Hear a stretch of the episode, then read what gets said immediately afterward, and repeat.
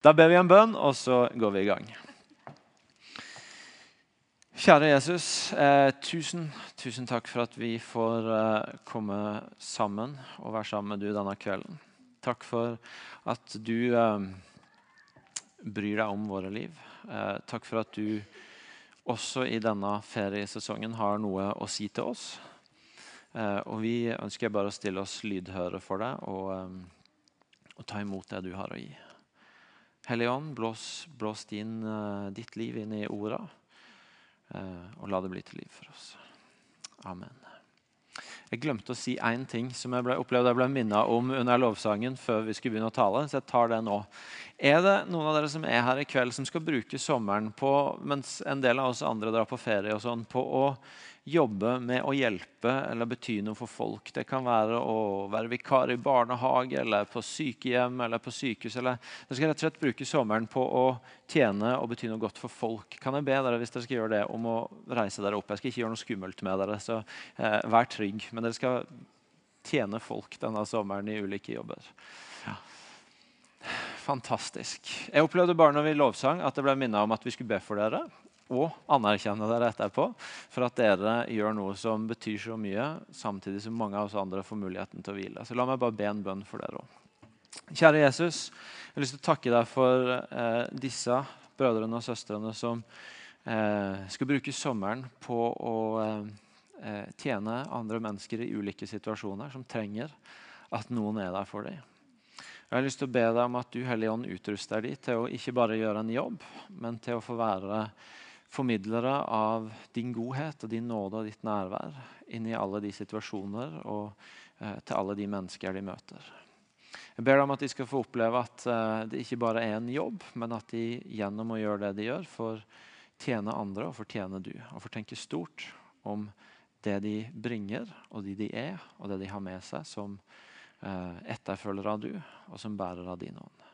Jeg ber om å velsigne de rikt og utruste de til det som Eh, står foran dem. Amen. Så jeg har lyst til at vi skal klappe for dere for den jobben dere gjør i denne tida. Eh, vår sønn på syv år, Elia, han har minnet meg om hver dag de siste dagene at det finnes én måned i året pappa, som jeg aldri skal gå på skolen. eh, og det er altså juli, som vi er inne i nå. Vi er inne i den tida av året hvor det er mange ting eh, i samfunnet vårt som går litt roligere. Som, eh, som Eh, så mange ting som er litt stillere. Det er den tida av året hvor avisene blir tynnere og har flått og solkrem på forsidene, og hvor eh, det på en måte det, By the way, parentes for en aviselsker som er utrolig irriterende at den tida av året hvor jeg virkelig har god tid til å lese aviser, så står det ingenting i dem. Eh, men det, det er nå så. Men nei, Det var litt stygt sagt. Sorry hvis det er noen som jobber med aviser her. Jeg leser, jeg leser med glede det som er der. Um, um, ikke le så, da. Uh, det er en roligere tid av året, er det jeg forsøker å si. Uh, og uh, kommer til uttrykk på mange vis. Det er ikke en selvfølge. en, en venn av meg som er pastor i USA, og som er fra USA, han fortalte nettopp at han hadde hatt som mål at innen han ble 40, så skulle han og kona ha fem uker fri et år. Det var liksom et mål, en drøm han hadde. og I år ble han 40, så i år skulle han ta fem uker fri. Ha fri hele juli. Eh, og det er jo da selvfølgelig Du må si at ja, men det gjør vi hvert år. Så det var, var, var, en big, var, en big, deal, liksom. Poenget er eh, vi, vi lever i et land som har utrolig mange gode ordninger i forhold til det å ta fri, det å hvile, det å ha mulighet til å eh, bruke tida vår i oppmerksomhet til andre ting. Eh, jeg har sjøl nettopp blitt pappa igjen og eh, fikk to uker fri til å bare gi fokuset mitt til det. Eh, vi, vi, vi, lever i et land som har mange gode ordninger som ikke er en selvfølge. Vi er på mange måter privilegerte så er det ikke sånn at uh, det står så veldig mye i Bibelen om fellesferie, eller hvor mange uker en bør ha fri i løpet av et år, eller at juli er feriemåneden.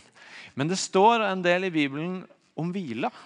Og uh, når jeg ba for denne gudstjenesten, så eh, opplevde jeg meg minnet om å snakke om hvile. Så får det bli opp til dere å bedømme om det var åndens ledelse eller det at jeg begynner min ferie i morgen. Men, eh, men skal i hvert fall snakke ut fra Bibelen uansett, så det kommer til å gå bra. Eh, det er jo sånn at helt fra skapelsen av så har Gud vevd det med hvile inn i livsmønsteret vårt. Som noe som han la der som en del av den rytmen, av det livet han har for oss, av måten han så for seg livet på. Eh, kan godt hende at jeg kjente vers for dere, men vi leser det allikevel fra 1. Mosebok 2. Så var himmelen og jorden fullført med hele sin hær. Den sjuende dagen fullførte Gud det arbeidet han hadde gjort, og den sjuende dagen hvilte han fra hele det arbeidet han hadde gjort. Gud velsigna den sjuende dagen og helliga den, for den dagen hvilte han fra hele sitt arbeid, det som Gud hadde gjort da han skapte. Helt fra skapelsen av så legger Gud hvile, en dag for hvile, en spesiell dag som er annerledes, som han hvilte på, og som han la opp til at vi skulle hvile på. Det legger han bare inn i livsmønsteret vårt. Og Det er fascinerende å se at eh, For det er jo sånn at Guds rike-prinsipper de, de på en måte prinsippene for livet som Gud har lagt inn i skapelsen, de virker jo enten vi tror på han eller ikke. Så Det er fascinerende å se at nå er det en tid hvor ganske mange skriver om, og store bedrifter på verdensbasis sånn, oppdager at det er en verdi i hvile. At det man kanskje tidligere har tenkt at det er om å gjøre å se hvor hardt kan vi få folk til å jobbe, hvor mye kan vi få ut av dem, så er det en helt annen trend nå på at ja, vi ser at hvis vi skal få det beste ut av folka våre, så må vi også gi dem plass til å hvile. Og disse store, rike bedriftene som har råd til å gjøre masse greier, de lager egne sånne soner på arbeidsplassene for å hvile og ta seg en lur og sånne ting. Ikke sant? En sånn oppdagelse av at hvile er viktig. Og det ligger der helt fra skapelsen av som et prinsipp. Og Så kan det hende at det er flere enn meg som har opplevd noen ganger at fri og hvile er ikke nødvendigvis alltid synonymt. Det er ikke alltid sånn at for det om du har en kveld eller en dag eller en uke som er fri, og som du tenker nå skal det bli hvile, så er det ikke alltid at det blir sånn. Det kan selvfølgelig være mange gode grunner for å ta det ned i det litt banale. Så kan det hende at det er noen flere enn meg som har opplevd noen ganger at å, deilig, endelig en frikveld, og så sank du ned i sofaen med en sånn den, den, første og beste serien eller TV-programmet som dukka opp i hodet. og så når kvelden var over, så, så tenkte jeg jeg føler meg egentlig ikke kjempemye bedre nå enn en, en før. Og jeg sier ikke det som noe sånn, Noen ganger så er det topp å bare slappe av med å se noe bra. så ikke, ja, Hør det rett. Men ikke sant, det er noen ganger det. Det er noen ganger at den timen ikke sant, For en småbarnsfar så er det noen ganger kona bare sier ok, nå, nå, går du på kafé i en time, og så tar jeg barna. og Så er det en kjempemulighet til å hvile, og så blir du sittende på mobilen i 50 av de minuttene. og Så går du ut igjen og så tenker du, ah, nå brukte jeg egentlig ikke tida til å hvile. Hodet mitt koker bare mer enn det gjorde før. Eh, sånne banale ting, men selvfølgelig andre ting som kan gjøre at det noen ganger at at det er ikke gitt at fordi om vi har fri, så blir det hvile av det. Det er også sånn at Noen ganger når vi er trøtte og slipper opp, så er det da vi kan være mest sårbare for fristelser. Eh, at de tingene som vi er litt sårbare på, at, at, at, vi vet egentlig ikke er bra for oss, vet egentlig ikke er rett, men som på en måte forsvarsverkene er lavere på når vi er litt trøtte og endelig har mulighet til å slippe opp. Og så har i hvert fall jeg opplevd noen ganger at fridagen endte jeg opp med å sitte igjen med en sånn kjedelig følelse av at nå gjorde jeg ikke bare noe som ikke hjalp meg til å hvile, men nå, nå, gjorde jeg noen ting som jeg ikke skulle gjort. i det hele tatt. Fordi at eh, jeg var sårbar for fristelser. Og Det betyr at eh, på den ene sida har ikke jeg lyst til å tale i kveld om eh, på en måte som gjør at du føler at nå må du bli liksom ekstremt strategisk og planlagt og grundig på, på, hvilen din. Jeg håper at du skal gå ut herfra i kveld og fortsatt kjenne at det er ok å bare, bare ha litt fri og kjede seg litt og slappe litt av. Men jeg har samtidig lyst til å si noe om at, at det er et poeng å tenke igjennom hva, at, at Gud har en tanke med hvile, og at han ønsker hvile for oss. Og at han ønsker en god hvile for oss, som gir liv, som bygger oss. Som gjør at vi kan komme tilbake sterkere enn eh, før vi, vi, hvilte. Og så vet jeg at eh, vi har forskjellige innfallsvinkler til akkurat selve det at det er ferietid nå. Det, det, det er en god del av oss som enten er i ferie eller skal på ferie. Noen av dere skal ikke det. Dere skal bruke sommeren til å jobbe fordi dere gjør andre ting resten av året. Noen av dere har egentlig ikke fokus på ferie, men dere skulle ønske dere kunne få en jobb. Eh, noen av dere vet at det skjer ting denne sommeren som gjør at det første du tenker på fordi om det står ferie i kalenderen, er ikke egentlig hvile. Eh, poenget med talen er ikke å egentlig snakke om fellesferien, men til å bruke den anledningen at det er litt roligere tid, til å snakke om hvile. Uh, uavhengig av det. Og se litt inn i Bibelen på hva noen av de tinga Gud har tenkt for oss med hvile. Og Da går vi til Bibelen. og det, um, det, det, det, er flere ting vi kan se på der. En åpenbar ting å se på i Bibelen med, med hvile, det er selvfølgelig å se på sabbaten, som vi allerede har vært innom. At Gud ga en helt egen dag i hver uke som han designa for hvile. Som han tenkte den dagen er til å ikke arbeide, men til å stoppe opp. Og Vi skal se litt på noen av bibelstedene der. Så er det også noen andre ord i Bibelen om hvile, om at Gud ønsker å gi oss hvile. Og, eh, Vi kan innom noen av de. Og så, og så er det klart at vi kan se på Jesu liv, på hvordan han levde dette ut, og på hva han sa om hvile. Vi skal touche innom noen av de tingene. Jeg skal gjøre noe jeg ikke gjør så kjempeofte når jeg taler. Jeg skal dra igjennom nå først ganske mange bibelvers eh, og steder, men jeg håper du kan henge på.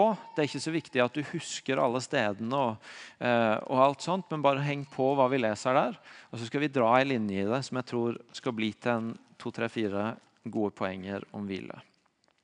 Første stedet vi går, det er til 2. Mosebok 20, hvor eh, det er faktisk de ti bud, og hvor det står om hviledagen som en del av den loven, av det levesettet som Gud gir Moses for israelsfolket. Der står det i, i 2. Mosebok 20 fra vers 8. Husk sabbatsdagen og hold den hellig. Seks dager skal du arbeide og gjøre all din gjerning, men den sjuende dagen er sabbat for Herren din Gud. Da skal du ikke gjøre noe arbeid, verken du eller din sønn eller din datter. Verken slaven eller slavekvinnen din, verken buskapen din eller innflytteren som bor i byene dine. For på seks dager er laget Herren himmelen og jorden og havet og alt som er i den, men den sjuende dagen hvilte han. Derfor velsigna Herren sabbatsdagen og helliga den. Så helt der i på en måte kjernen av hvordan Gud sier til israelsfolket at de skal leve, så, så, snakker han om at det er utrolig viktig at de holder denne sabbatsdagen, denne hviledagen. Og Det første han sier her, det er 'hvil fordi jeg hvilte'. Hold hviledagen hellig og hvil fordi Gud sjøl hvilte på den sjuende dagen etter å ha skapt. Men så han, går han videre og snakker om det i 2. Mosebok 23, hvor han sier i vers 12.: Seks dager skal du gjøre arbeidet ditt, men den sjuende dagen skal du hvile for at oksen og eselet kan få ro, og slavekvinnens sønn og innflytteren kan få pusta ut. Her sier han også veldig spesifikt at det er viktig at du, at du har den dagen, sånn at både du, men også menneskene rundt deg, kan få en dag til å hvile. Så hvil fordi Gud hvilte på den dagen, men hvil også fordi du og folka rundt deg trenger den dagen til å hvile. Og Så fortsetter vi eh, igjen. og som sagt, Du trenger ikke å bla med meg på alt, men i kapittel 31, eh, vers 12, så sier han eh, Nei. Jo, kapittel 1, vers 12. Nei, vers 13. Du skal si til israelittene, mine sabbater skal dere holde, for sabbaten er et tegn mellom meg og dere i slekt etter slekt, for at dere skal kjenne at det er jeg, Herren, som, helliget, som helliger dere. Eh, sabbaten hjelper de til å huske hvem som gjør hva. Husk å holde sabbaten, fordi da husker dere at det er jeg som helliger dere, sier Gud. Det er en dag som minner dem på hvem som gjør hva i relasjonen mellom oss og Gud. Hva som er hans rolle, hva som er vår rolle. Og så må vi bare ta med, fordi jeg syns det er utrolig fint sagt, i vers 17 i, i samme kapittel så står det eh, at sabbaten skal være et tegn mellom meg og israelittene til evig tid. For på seks dager skapte Herren himmelen og jorden. Men den sjuende dagen hvilte han og pusta rolig ut.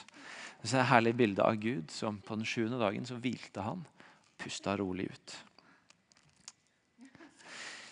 kapittel 34. Vi er snart ferdig med eh, eh, turboturen i andre Mosebok. Eh, kapittel 34, vers 21.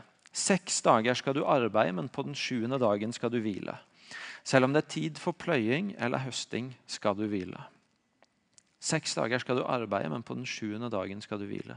Selv om det er tid for pløying eller høsting, skal du hvile. Sånn, parentes hjemme hos oss er en av diskusjonene det at vi har veldig forskjellig respons på når det tårner seg litt opp med ting som skulle vært gjort, når stressnivået øker, så er min tilnærming at da syns jeg det er veldig viktig at vi finner ut hvordan vi kan hvile godt. Så da er min instinkt det er hvordan kan vi legge sida, nei, lista med alt vi skal gjøre til side, og først passe på at vi har hvilt godt og hatt god tid sammen. Og så kan vi begynne å se på hva vi skal gjøre etter det. Hildegunds tilnærming er helt motsatt. Nå må vi bli enige om hvordan vi skal få gjort den lista, sånn at vi kan hvile litt sammen. Og nå har jeg bibelsk belegg for at jeg har rett, så det er veldig bra. Um, litt mer seriøst. Um, her sier, det står det faktisk noe veldig viktig om at hvile er ikke bare et overskuddsgode når det passer. Men han sier faktisk du skal gjøre det selv om det egentlig er arbeid som trengs å gjøres. Selv når israelsfolket er i ørkenen og de har lite, og det er knapt, så skal de likevel holde hviledagen. De skal hvile. Det er ikke styrt av om det er tid til det og rom til det, men, men, men, det er noe bare Gud ønsker at de skal ha. Og så det siste verset fra andre Mosebok, eh, kapittel 35, vers 2.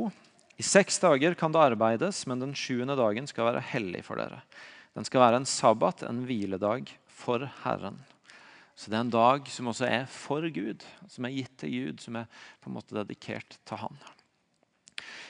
Gjennom disse versene så ser vi at Gud bare legger så tydelig innover dem. Denne dagen er viktig, og den er et tegn på relasjonen mellom oss. Den er et tegn på hvem jeg vil være i deres liv. Den er et tegn på det livet jeg har for dere.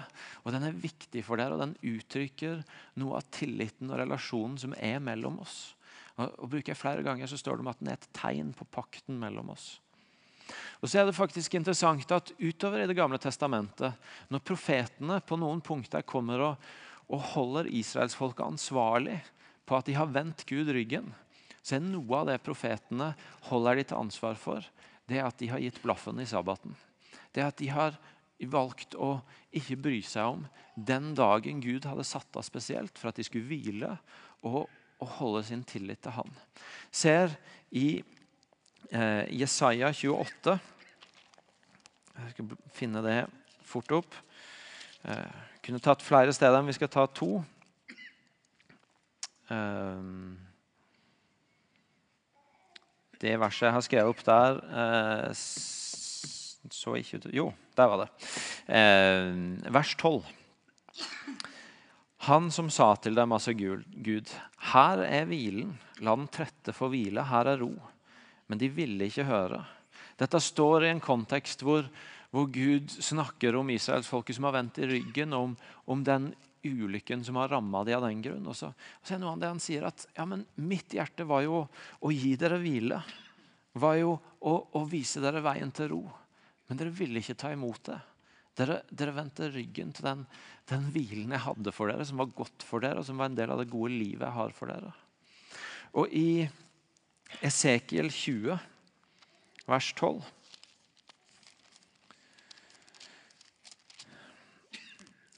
så sier han også Også mine sabbater ga jeg de. De skulle være et tegn mellom meg og dem. Slik skulle de vite at jeg er Herren som helliger de. Så Han minner de bare på igjen at jeg ga dere sabbaten, som skulle være et tegn mellom oss på relasjonen og på hva jeg gjør i livet deres. Men Israels hus trossa meg i ørkenen. Og så står det litt lenger nede i vers 13.: Og sabbaten vanhelliga de grovt. De, de, de valgte å ikke holde den. Når Gud litt senere hos profeten Esekiel i kapittel 34 begynner å snakke om det han skal gjøre på nytt igjen for å ta det folket tilbake som har vendt han ryggen, som det ikke har gått så godt med, som, eh, som han sørger over, så, så, sier han noe om det i kapittel 34. og Han, han bruker bildet av seg sjøl som en gjeter. Så sier Herren Gud, se, jeg vil sjøl lete etter sauene mine og ta meg av dem. Som en gjeter tar seg av sauene sine og er med dem den dagen de blir spredt. Slik vil jeg ta meg av sauene mine og berge de fra alle stedene de kom til da de blei spredt, på den mørke og skytunge dagen. Jeg vil føre de ut fra folka, samle de fra landa og føre de inn i deres eget land. Så skal jeg gjete de på fjella i Israel, i dalene overalt hvor de bor i landet. På gode beitemarker skal jeg gjete de. De skal ha englene sine på Israels høye fjell. Og så hør nå. Der skal de hvile i frodige enger. De skal gå på saftige beiter på fjellene i Israel. Jeg vil gjete sauene mine og la de hvile, sier Herren Gud. Så Guds bilde når han snakker til et folk som har vendt han ryggen, og som, og som det ikke har gått så godt med, så, så, sier han jeg skal være som en gjeter som leiter de opp. Som går til alle de stedene hvor de, hvor de har forvilla seg, og så skal jeg hente de tilbake. Og så skal jeg ta de til noen frodige steder, og der skal jeg gi de hvile. Jeg skal ta de til, til hvile, og jeg skal ta de til steder hvor det er godt å hvile. Og Når Jesus kommer, så er selvfølgelig han det grunnleggende svaret til Gud på det. Han er den som kommer for å finne. Han er den som oppsøker, som leiter og finner oss. Og så sier han om seg sjøl.: Kom til meg, alle dere som strever og bærer tunge byrder, og jeg skal gi dere hvile. Jesus kommer som et svar på det løftet, på det hjerteslaget som kommer fra Gud, om at jeg ønsker å ta dere tilbake til hvilen. Og så er det den invitasjonen som lyder fra Jesus også. Hva, når vi, når vi raser gjennom mange bibelsteder, og eh, kanskje så mange at, du, ja, at, det var vanskelig å få med seg alle. Men jeg tror du har fått med deg en linje. Og Hva kan vi ta ut av det i forhold til noe av det, det som er Guds hjerte, og det Bibelen sier om hvile? Det første er i hvert fall helt klart at hvile Gud ønsker hvile for oss fordi det gjør noe med både vårt bilde av han og av oss sjøl. Det gjør noe med hvordan vi tenker om hvem han er i våre liv. Og det gjør noe med hvem, hvordan vi tenker om oss sjøl. Vi ser at i hvilen, når vi, når vi, hviler, når vi tar et steg ut av alt vi gjør, og alt vi jager etter, og alt som holder oss travle, og hviler, så ligger det en påminner om at Gud er den som sørger for oss om at han er den som dypest sett sørger for at vi har det vi trenger, og som, og som ønsker å sørge, og på en måte sikre det. Det er så mange ting rundt oss som forteller oss at jo hardere vi jobber, jo mer blir det ut av det. Og hvis vi skal være ansvarlige, så må vi jobbe hardt, sånn at vi sørger for oss sjøl og familien vår og, og, og, det vi har fått ansvar for. Og så er det noe i hvilen som, som, som, har en motstand i seg mot det, som trekker oss tilbake, og som, og som holder oss fast i at nei. Eller for ja, der er et element av å forvalte det en har fått ansvar for. Der, vi er også skapt til å jobbe, men dypest sett så er det Gud som sørger for oss. Matteus 6. Ikke bekymre deg, men Gud som, som, som kler blomstene skal ikke han sørge for alt det du òg trenger? I å ta et steg tilbake, i å, i å slutte å gjøre og hvile og være, så blir vi minnet om at han lover å sørge for oss.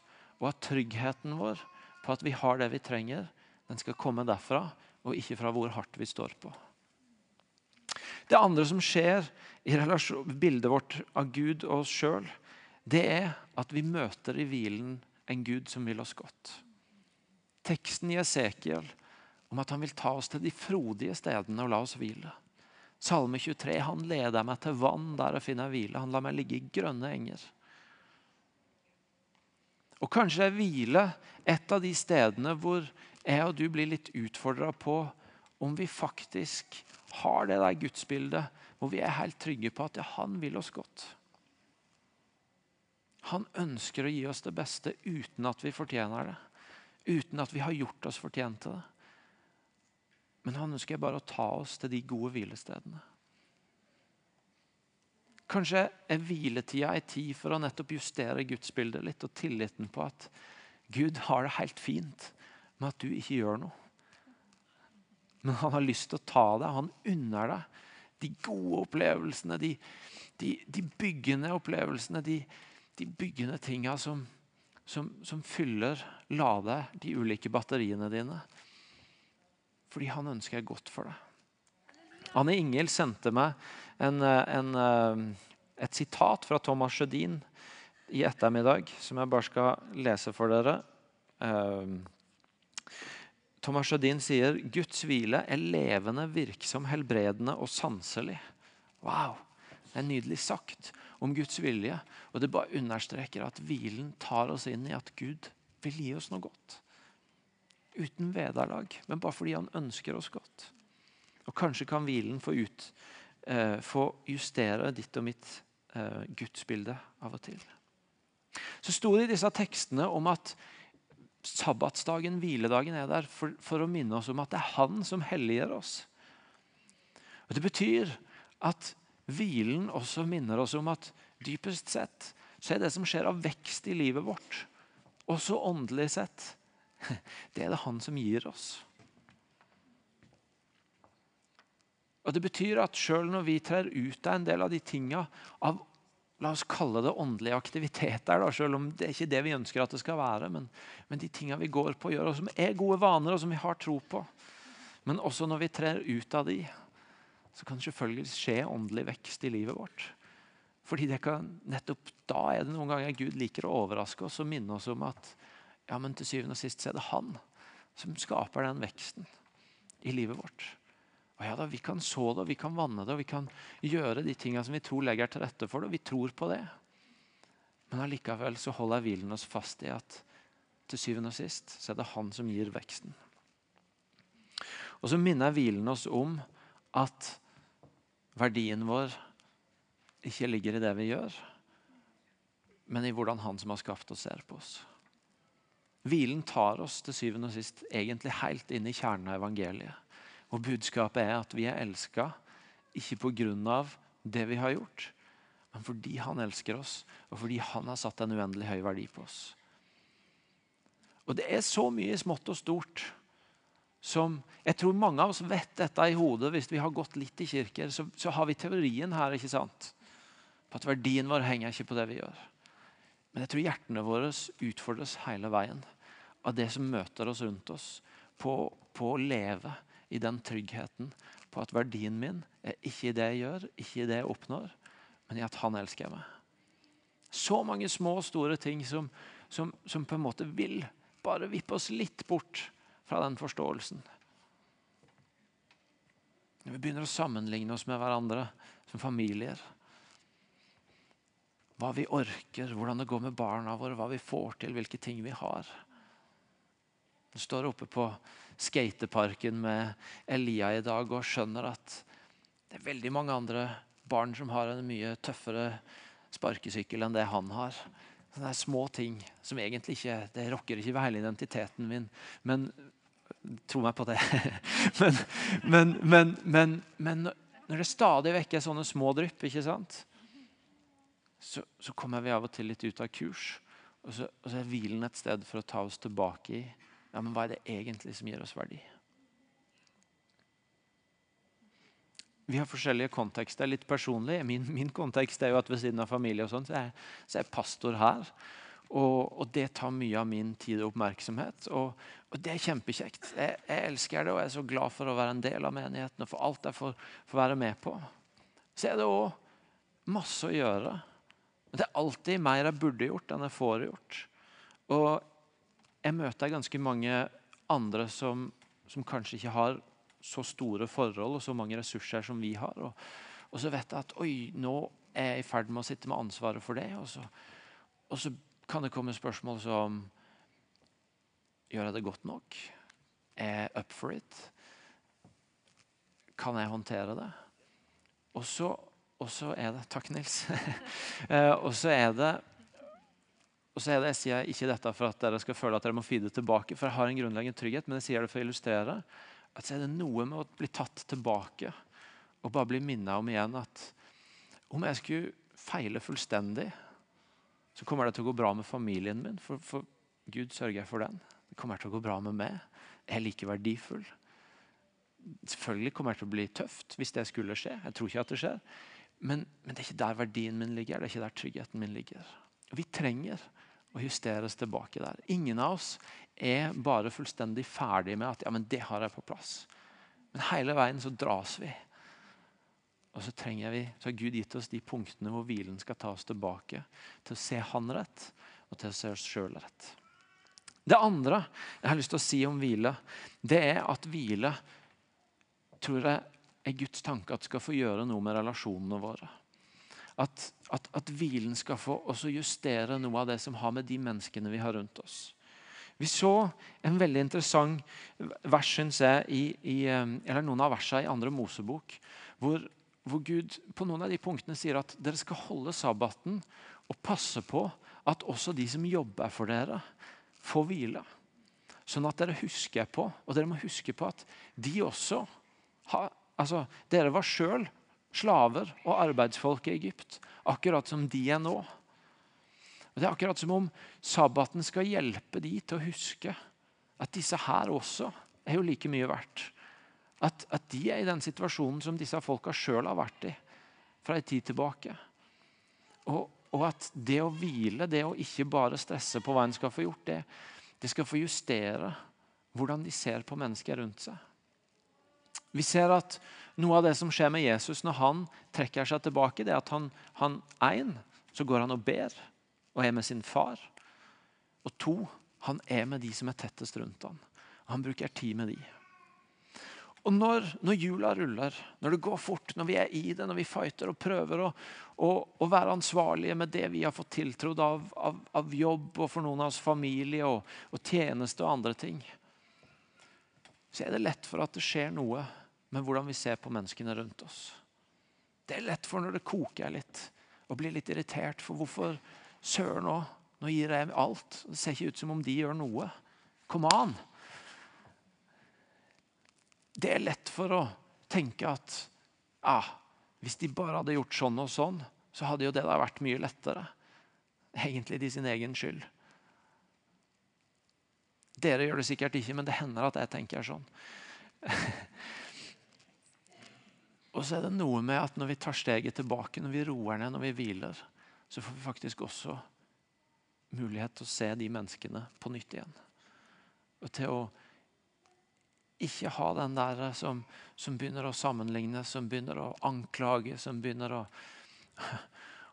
å se ting skeivt gjennom våre egne behov og linser og det vi vil, men som, men som bare får senke skuldrene og se dem fordi de er, og de Gud har skapt dem til å være.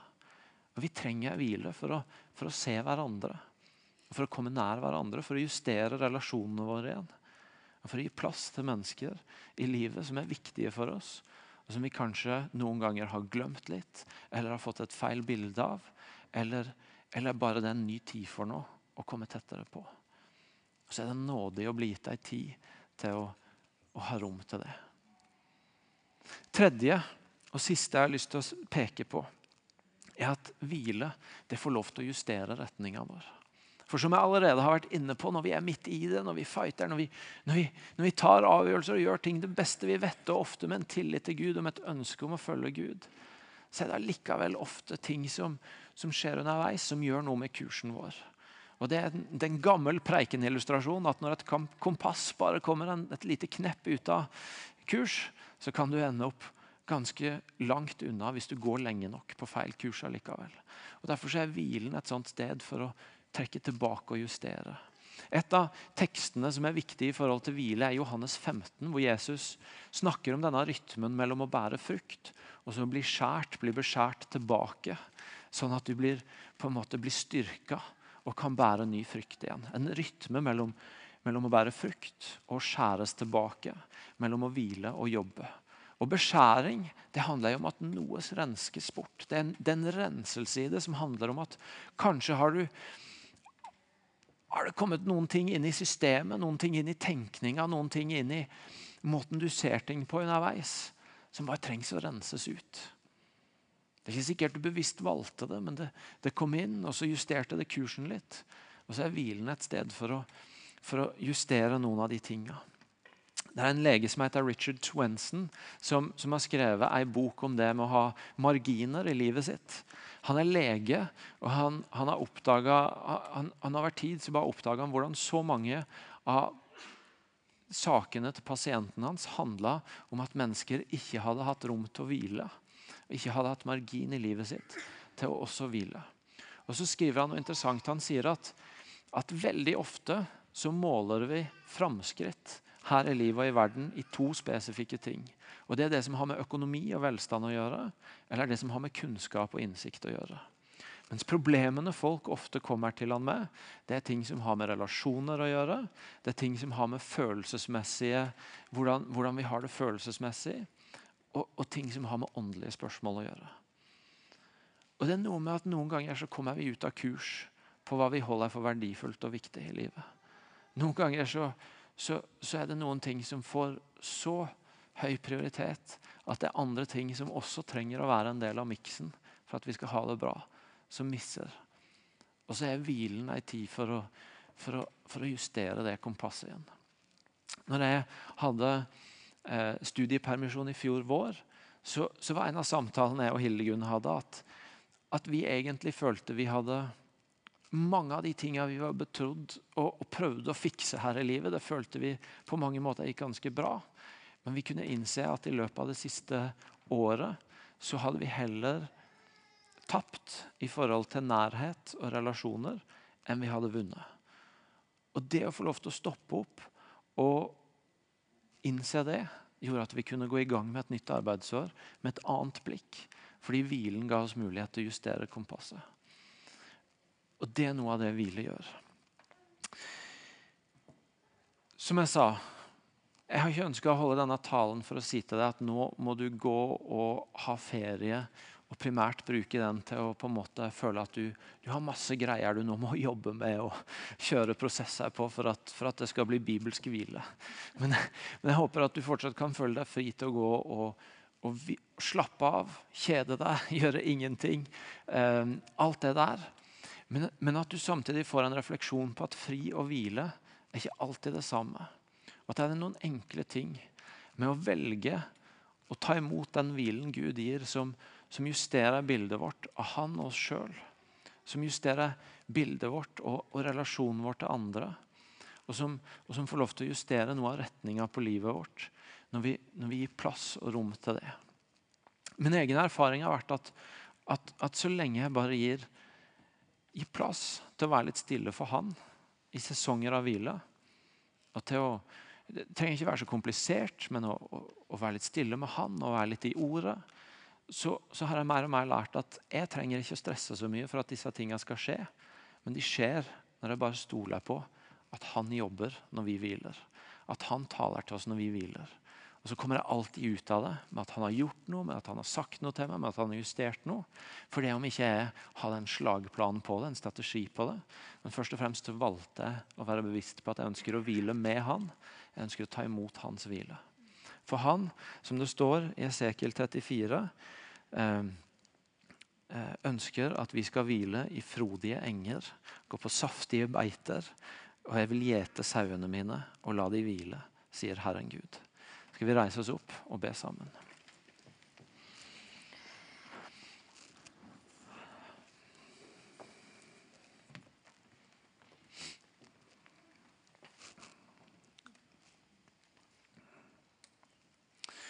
God far, jeg har bare lyst til å takke deg for at du helt fra skapelsen av la inn hvile som en del av livet vårt. Som en del av skapningen, som en del av systemet.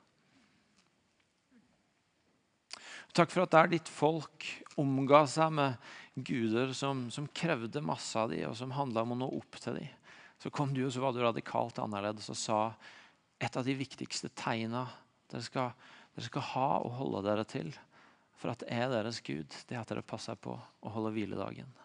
At dere gir rom for hvile. Og Jeg ber deg om at enten dette er en tid for ferie eller en tid for andre ting og andre utfordringer, at vi som er her i kveld, skal få omfavne din hvilefar og ta imot det du ønsker å gi i livet vårt. Du kjenner hver enkelt av oss. Du veit om det er justering av vårt, vår tillit til du som en som ønsker oss godt, eller om det er eh, vår forståelse av hvem vi er, og hva som gir oss verdi. Om det er relasjoner som du ønsker å, å bare justere og lede oss tettere inn i. Om det, er, om det er retning på livet. Far, du vet, og du kan tale til oss i kveld om det. Men jeg takker deg for nåden som ligger i at du holder oss fast i at, at det er du som har gitt oss en dag og punkter i livet hvor du ønsker å bare minne oss om at du, du vil lede oss til, til steder hvor det er godt å hvile. Hvor du har liv for oss. Hvor du har eh, ny kraft for oss. Og hvor du bare holder oss fast i at det er ikke vårt verk, men det er ditt verk. Jeg ber deg for de av oss her i rommet som, som syns det er vanskelig å velge hvile akkurat nå, fordi vi, menneskelig talt går det ikke opp fornuftsmessig. Der er lista er for lang. Det er for mange viktige ting. Og så, og så var budskapet ditt til israelsfolket, til og med i ørkenen, når de hadde så lite. Selv om det er arbeid å gjøre, hvil. Gi plass til det. La oss få ta imot deg i, i kveld. Og la oss få ta imot deg for denne sesongen. Jeg takker deg for også for at du lar oss som menighet få ha en, en, en tid av hvile. Og jeg ber deg om at du også, ikke bare individuelt, men for oss som fellesskap, skal, skal ta oss inn i en, en, solid erkjennelse av at det er ikke vårt verk, men det er ditt verk alt vi får være med på. At du skal styrke oss, styrke røttene våre, styrke det livet du gir, ikke det vi på noen måte klarer å strebe fram sjøl. At vi skal få leve i et nytt nivå av det når vi, når vi begynner på igjen til høsten. En tillit til at det er ditt. At det er du som gjør det. Ja. Amen.